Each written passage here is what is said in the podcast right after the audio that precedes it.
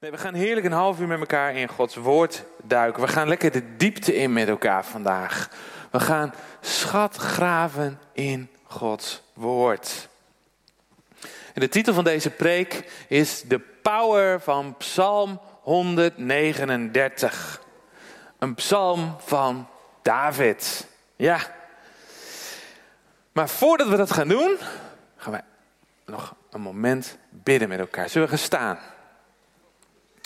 Dank u wel, Heer, voor uw woord. Wat zo rijk is. Wat elke keer weer opnieuw tot ons spreekt. Dank u wel, Heilige Geest, dat uw woord elke dag nieuw is. Dat we uw woord elke dag mogen lezen alsof we het voor het eerst mogen lezen.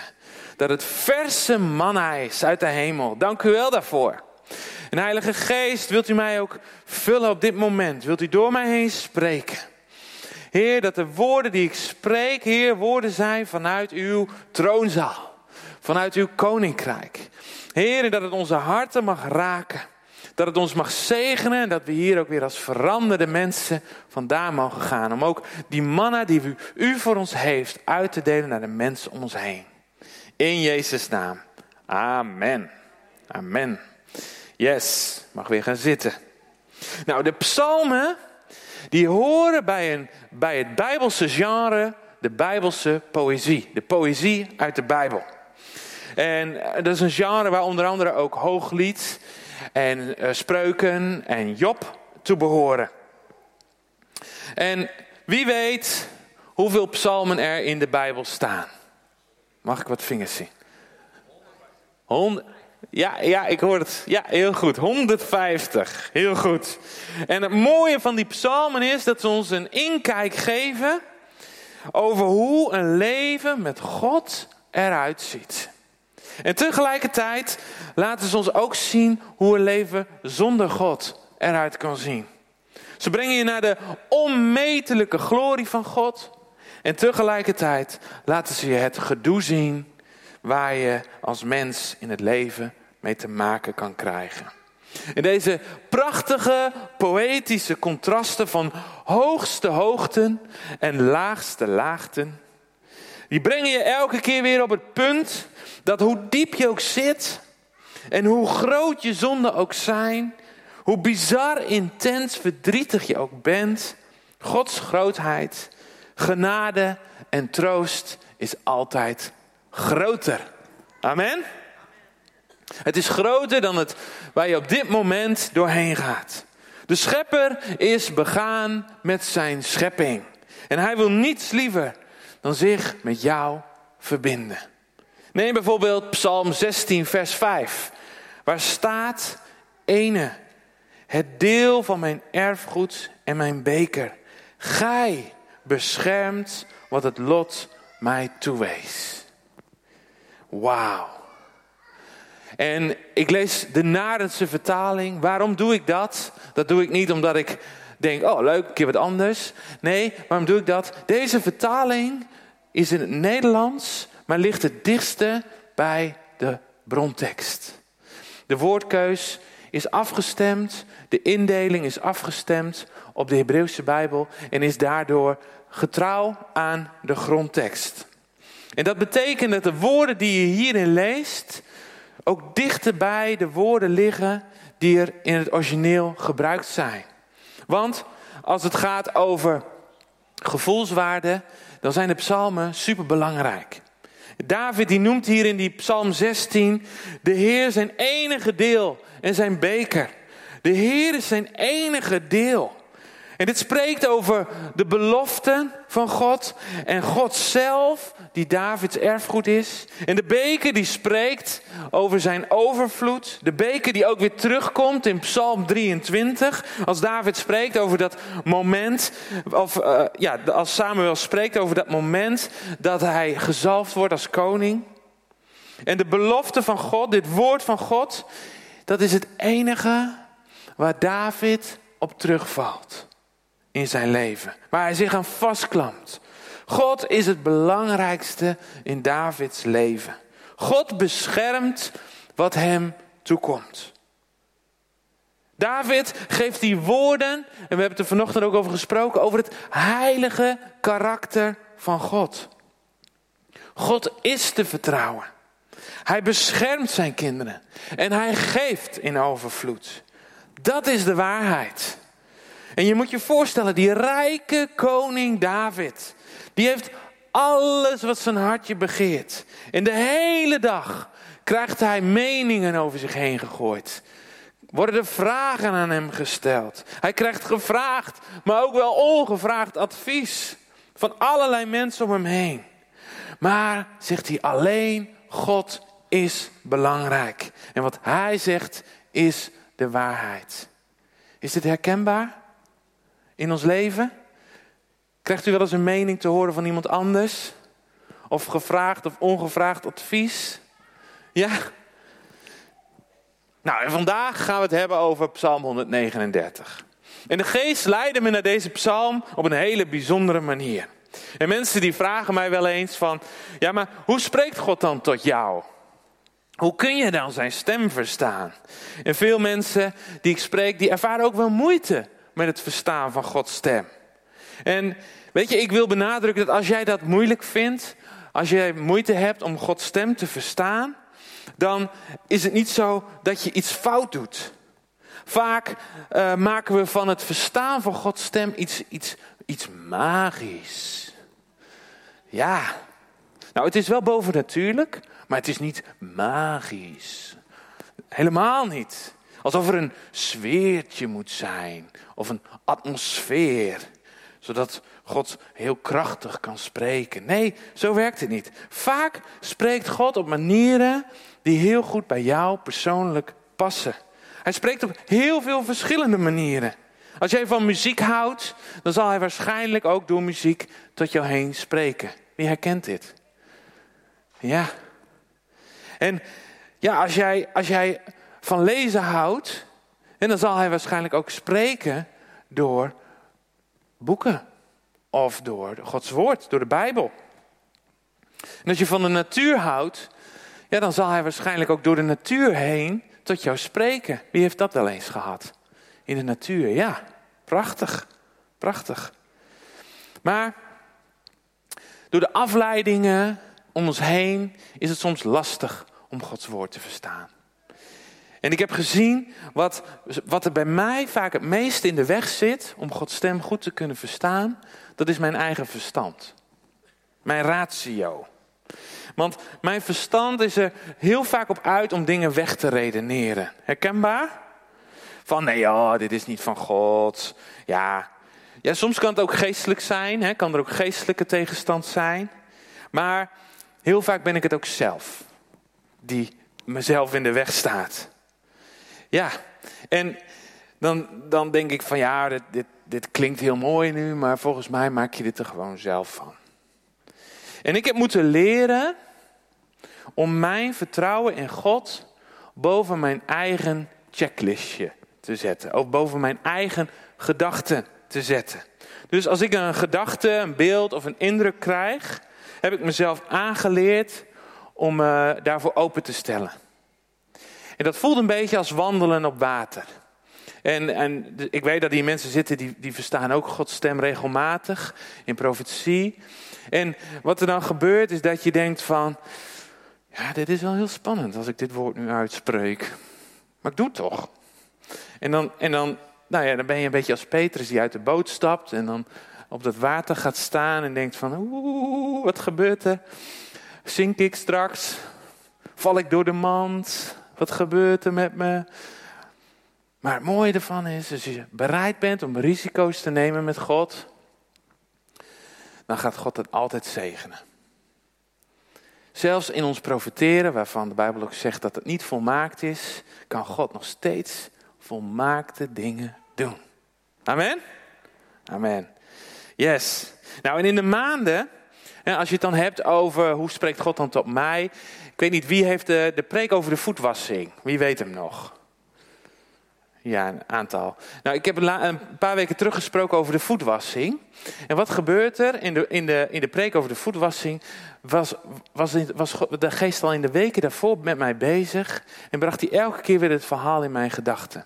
En dat verhaal kwam elke keer terug in mijn gedachten. Maar ik had nog niet zoiets van, oh ja, ik ga hierover spreken. Of ik, Of eh, ehm, ehm, nou, dan en dan ga ik over die, over die tekst spreken. Maar ergens wordt er al wel een zaadje in mij geplant. Dus ik weet wel van, oh wacht eens even. Volgens mij vindt God dit belangrijker dan alleen maar uh, nou, een mooi verhaal waar je een keer een goede studie over kan uh, geven. Maar dan komt dus dat moment dat we uh, in die preekserie Vrijheid in Christus bezig zijn. En aan het einde van die preekserie ontstaat er een onderwerp van hoe wandel je nou in die vrijheid? dus dat thema, hoe wandel je nou in die vrijheid? En op dat moment leg ik direct de link tussen wandelen en voeten.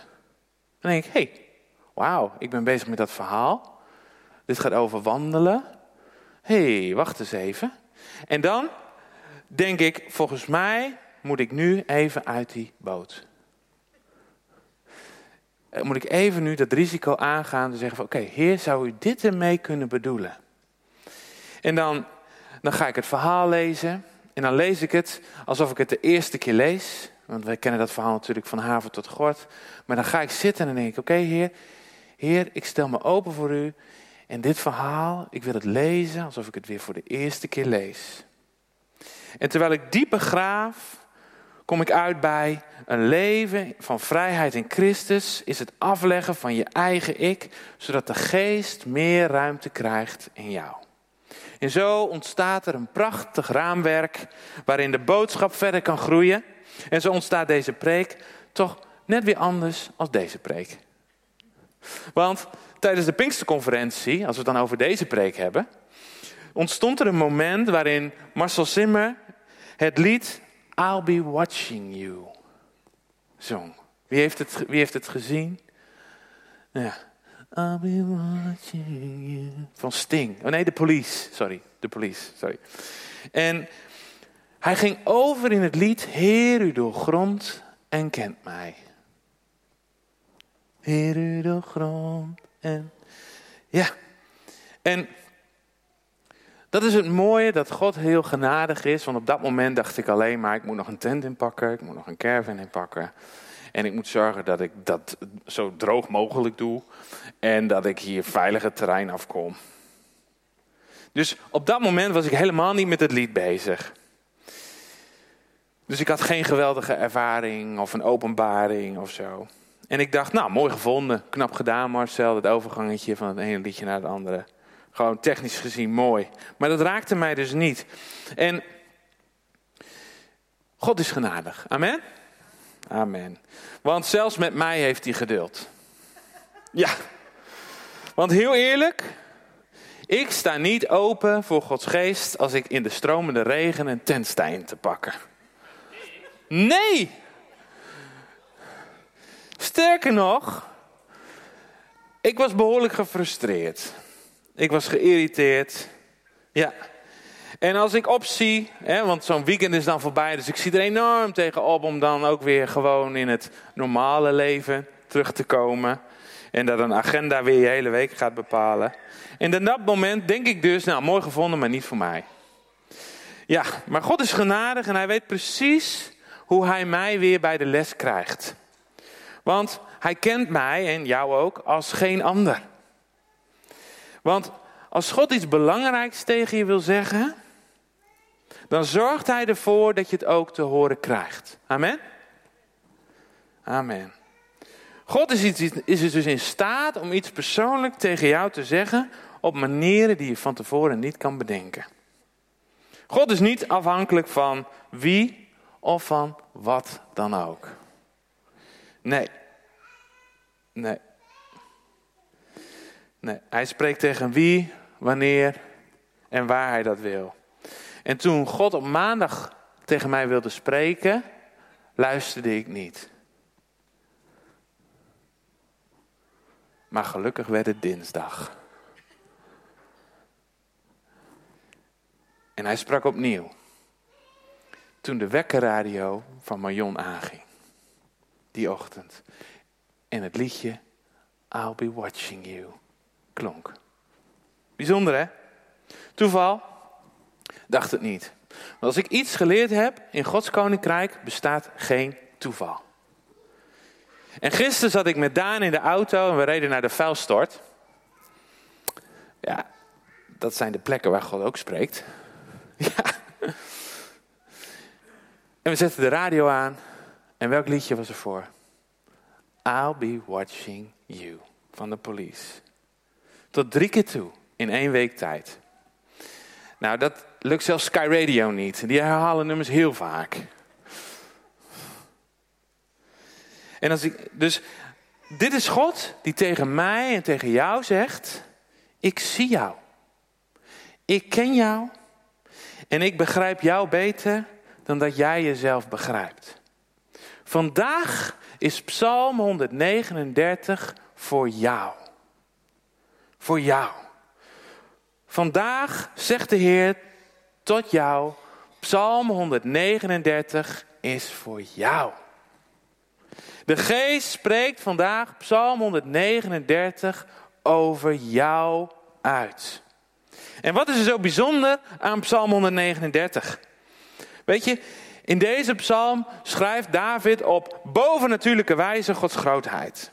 Waar de meeste psalmen vanuit het aardse naar het hemelse perspectief schrijven, zien we hoe hier David vanuit het hemelse naar het aardse schrijft. Vanaf regel 1 beschrijft David met een kinderlijke onbevangenheid de Heer.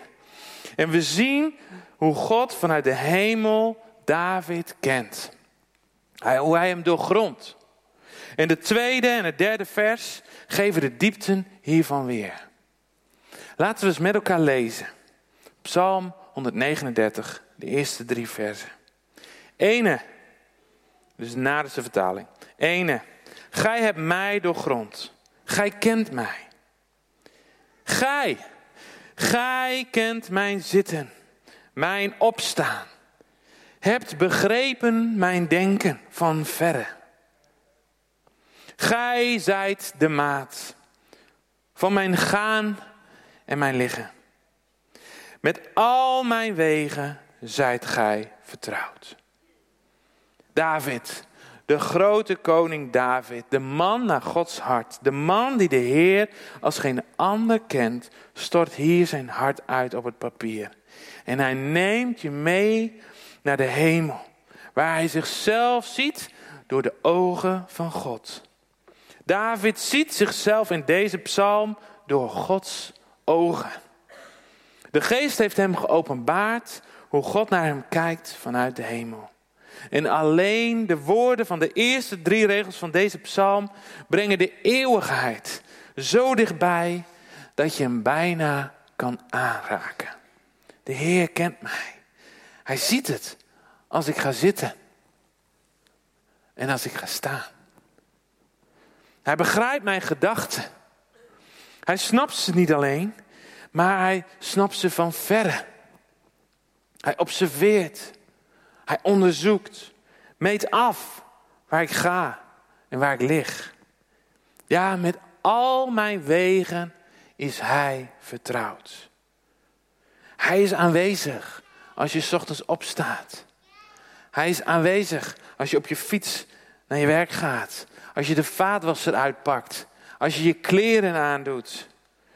Hij ziet het niet alleen, maar hij is met jou vertrouwd. Hij is met jou vertrouwd. Dit is de God die zich over jou bekommert. Niet een God die ver weg ergens in de hemel zich afvraagt of het allemaal wel goed komt. Nee, dit is de Heer die jou beter kent dan wie dan ook. Zelfs beter dan dat jij jezelf kent.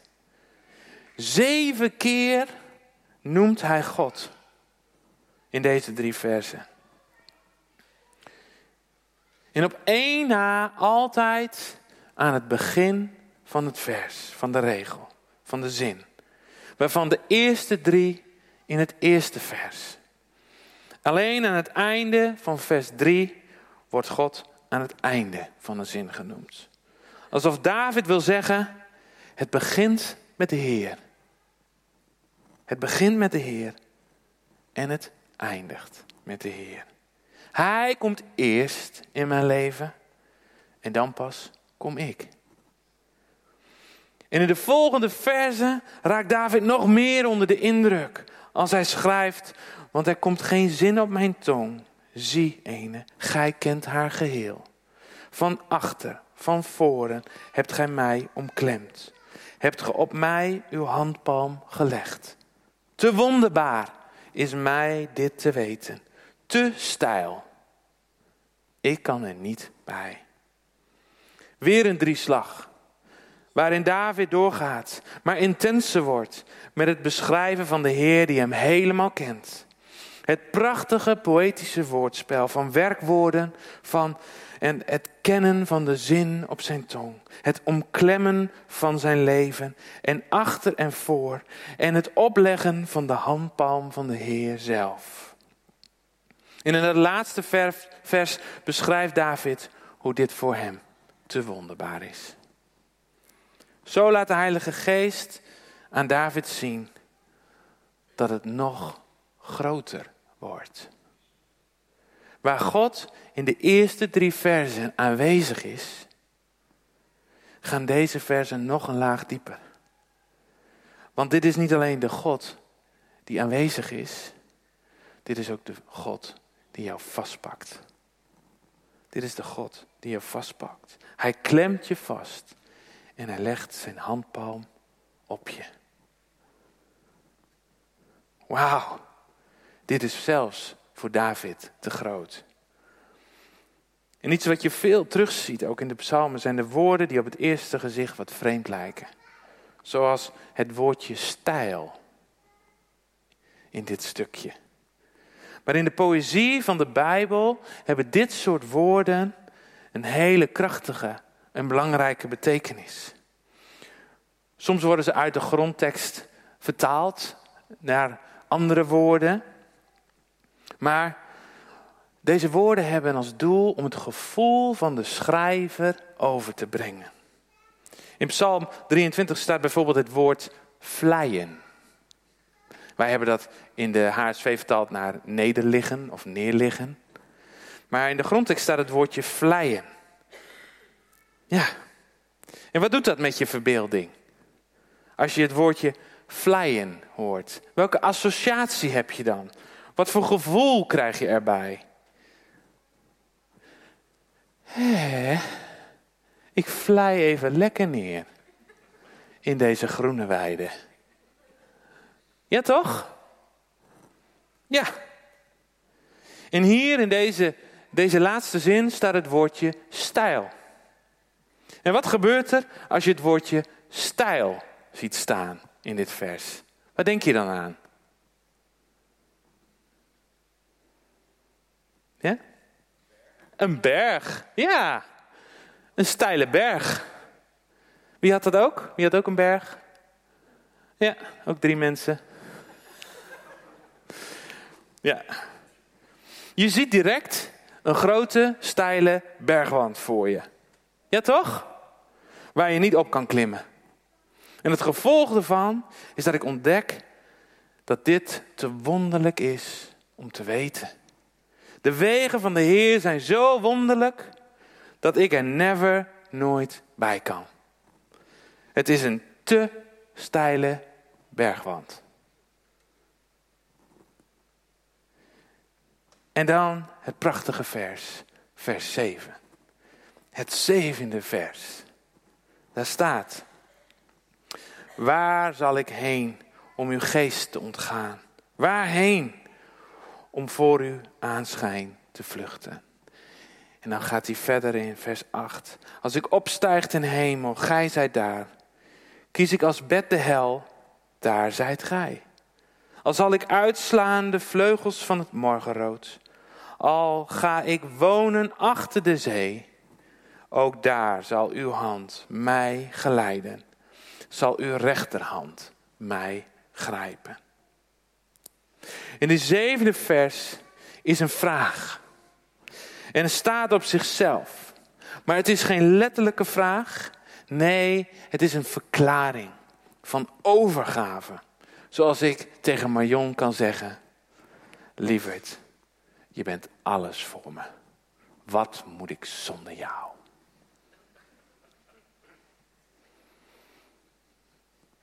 Dat is vers 7. En zo verklaart David hier, het Heer, het heeft geen zin. Het heeft totaal geen nut om de geest te ontlopen of om voor de Heer te vluchten. God is toch altijd groter. U bent altijd groter, Heer. U bent altijd sterker. U bent altijd beter. U bent alles voor me. Wat moet ik zonder u? Prachtig, hè? En of ik nu opstijg naar de hemel of ga liggen in de hel. Ook hier, weer die prachtige woordspeling. Naar de hemel stijg je op en op een bed ga je liggen. Het vliegen en het liggen. Vliegen als beeld van leven en liggen als beeld van de dood. In het beeld ontstaat hoe je leven ook verloopt, welke keuzes je ook maakt. Ja, je kan je altijd weer naar God toekeren. Zelfs al heb je keuzes gemaakt waardoor je ver bij God vandaan bent gevlucht. Zelfs al ben je aan de drugs, ben je verslaafd of ben je crimineel, ben je gewoon op weg naar de hel. God is één gebed bij je vandaan. En hij wacht tot je je naar hem omkeert. Hij is alom tegenwoordig. In die zin, al zal ik uitslaan de vleugels van het morgenrood, al ga ik wonen achter de zee. Het beschrijft zo mooi de horizon in al zijn glorie. Een vergezicht, zo ver als je kan kijken, ja zes, voorbij de horizon, achter de zee. Daar is God. En in vers 8 gaan we omhoog, naar de hoogste hoogte. En omlaag in de laagste laagte. En in vers 9 gaan we helemaal van het uiterste oosten. Wat is het oosten voor jullie? Die kant? Naar het, die kant oosten naar het uiterste westen. Hoogste, hoogste, diepte, diepte. Daar is God, lieve mensen. Hij is overal. Hij is er zelfs aan voorbij. En zelfs daar leidt de hand van de Heer jou. En hij leidt je niet alleen, nee, zijn rechterhand grijpt jou. En opnieuw zien we hier, God is niet alleen bij je, maar hij raakt je ook aan. Hij is tastbaar in jouw leven aanwezig. En zo beschrijft David hoe God aanwezig is in het alledaagse. En in de tweede drie versen beschrijft hij dat God niet alleen aanwezig is, maar hoe hij je ook omarmt en hoe hij je aanraakt. En opeens zien we daar de wending alsof de camera naar een ander shot gaat. Opeens neemt David ons mee naar die onmetelijke hoogte en diepte. En die onuitgestrekte wijsheid van de horizon. En we zien het contrast van klein en intiem in het alledaagse naar het onmetelijke grootse. En alsof dat nog niet genoeg is, gaat David nog door. En hij pakt het contrast van licht en donker. Allemaal om te beschrijven hoe de relatie tussen God en hem eruit ziet. Wat de plek is die God in het leven van David inneemt. En welke plek David heeft in Gods ogen. Vers 12. Dan is ook duister voor u niet te duister. En is nacht en nacht is licht als de dag. De duisternis is als het licht. Ja, gij, gij hebt verworven mijn nieren, mij geweven in de schoot van mijn moeder. Ik dank u dat ik onzagwekkend, wonderbaarlijk ben geschapen. Uw daden zijn wonderen. Mijn ziel erkent dat ten zeerste. Mijn gebeente was niet verholen voor u, die mij in het verborgene maakte. Ik werd gevlochten in het onderste der aarde. Mij, Vormeloos nog zagen uw ogen. Op uw boekrol zijn ze alle geschreven. Dagen die werden gevormd toen nog geen van hen er was. En waar we tot en met vers 12 in de grootsheid van ruimte, horizon, licht en duisternis geplaatst worden, daar is vanaf vers 13 opnieuw een scherpe wending. Een wending die ons terugbrengt naar de intimiteit van een baby in de schoot van zijn moeder. De plek waar God in het verborgene werkt, waar hij nieren maakt, weeft. En het contrast van de grootheid van God, die jou altijd ziet waar je ook gaat, is net zo reëel als de baarmoeder waar God jou heeft gevormd. God is bij jou in het grote en in het kleine. God is bij jou in het immense en in het intieme. God is bij jou. God is bij jou in het kleine. In het zichtbare en in het onzichtbare. En David wordt er door overmand. Als hij in vers 14 inziet dat hij zelf een wonder is van God. Sta je hier wel eens bij stil? God vindt jou zo belangrijk dat hij niets liever wil dan bij jou zijn. Wauw. Wauw. Vanaf het allereerste begin. Jij bent zijn grootste wonder. Ja. Jij bent door hem geschapen. God spreekt. Jolanda, leef. Zijne leef. Eddie, leef. En bam. Daar waren jullie. Ja. En je begon te leven. En David ziet dit voor zijn ogen gebeuren. Ja. En wat doe jij vandaag met deze woorden? Ben jij God dankbaar? Omdat Hij jou bedacht en gemaakt heeft? Dat Hij jouw leven heeft geschonken in al zijn volheid? Dat je een meesterwerk bent, gecreëerd door liefde zelf? Door dezelfde God die die grote hemel en aarde schiep? Alles wat God voor jou bedoeld heeft, heeft hij al in je gelegd. God heeft je niet alleen gemaakt, maar heeft je ook gemaakt met een doel, met een plan, met een missie. En dit is niet je beroep, dit is niet jouw functie, dit is zelfs niet je vader of moeder zijn of het zijn van een goede echtgenoot. Nee, dit is in verbinding leven. In relatie leven met God. Jouw leven staat voor 100% in het teken om verbonden te zijn met God. Om Hem in alles op de eerste plek te zetten in jouw leven. Om te ontdekken wat Gods gedachten over jou zijn. Dit is, en dit is ook precies waar de volgende versen, vers 17 en 18 over gaan. Mij, hoe kostbaar zijn uw gedachten, o God. Wat zijn hun hoofdstukken kernachtig? Wil ik ze tellen, het zijn er meer dan zand. Ontwaak ik, dan nog ben ik samen met u. En wat is het effect van deze bovennatuurlijke verbondenheid? Van deze bovennatuurlijke relatie, van het volledig in harmonie leven met God de Vader. Al het kwaad, iedereen die het slecht met jou voor heeft, zelfs alle demonen en de duivels, ze zullen van je moeten wijken. Ja, alle vijanden zullen voor je moeten wijken.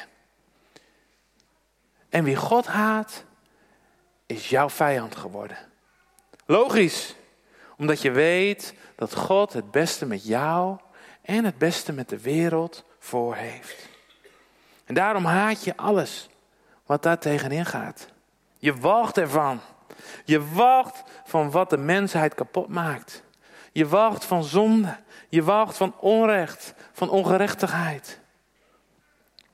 Als we de versen lezen, als gij, God, een boosdoener ombrengt, mannen van bloed van mij zullen wijken. Die van u zeggen een verzinsel, uw naam ophieven voor leegte, Zal ik ene uw haters niet haten en walgen van wie tegen u opstaan? Ik ben hen gaan haten. Mijn haat is volstrekt tot vijanden zijn zij mij geworden.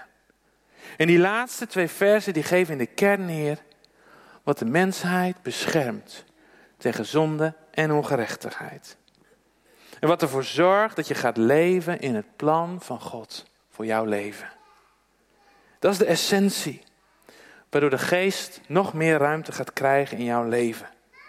Door God te vragen om jouw hart te doorgronden. Zoals we dat vanochtend in de zangdienst deden. Of er dingen zijn in jouw leven die je vandaag mag veranderen. Of waar je je van mag bekeren. En dat is niet uit oordeel, omdat we veroordeeld zijn. Nee, juist vanuit die onvoorwaardelijke genade en liefde van Jezus.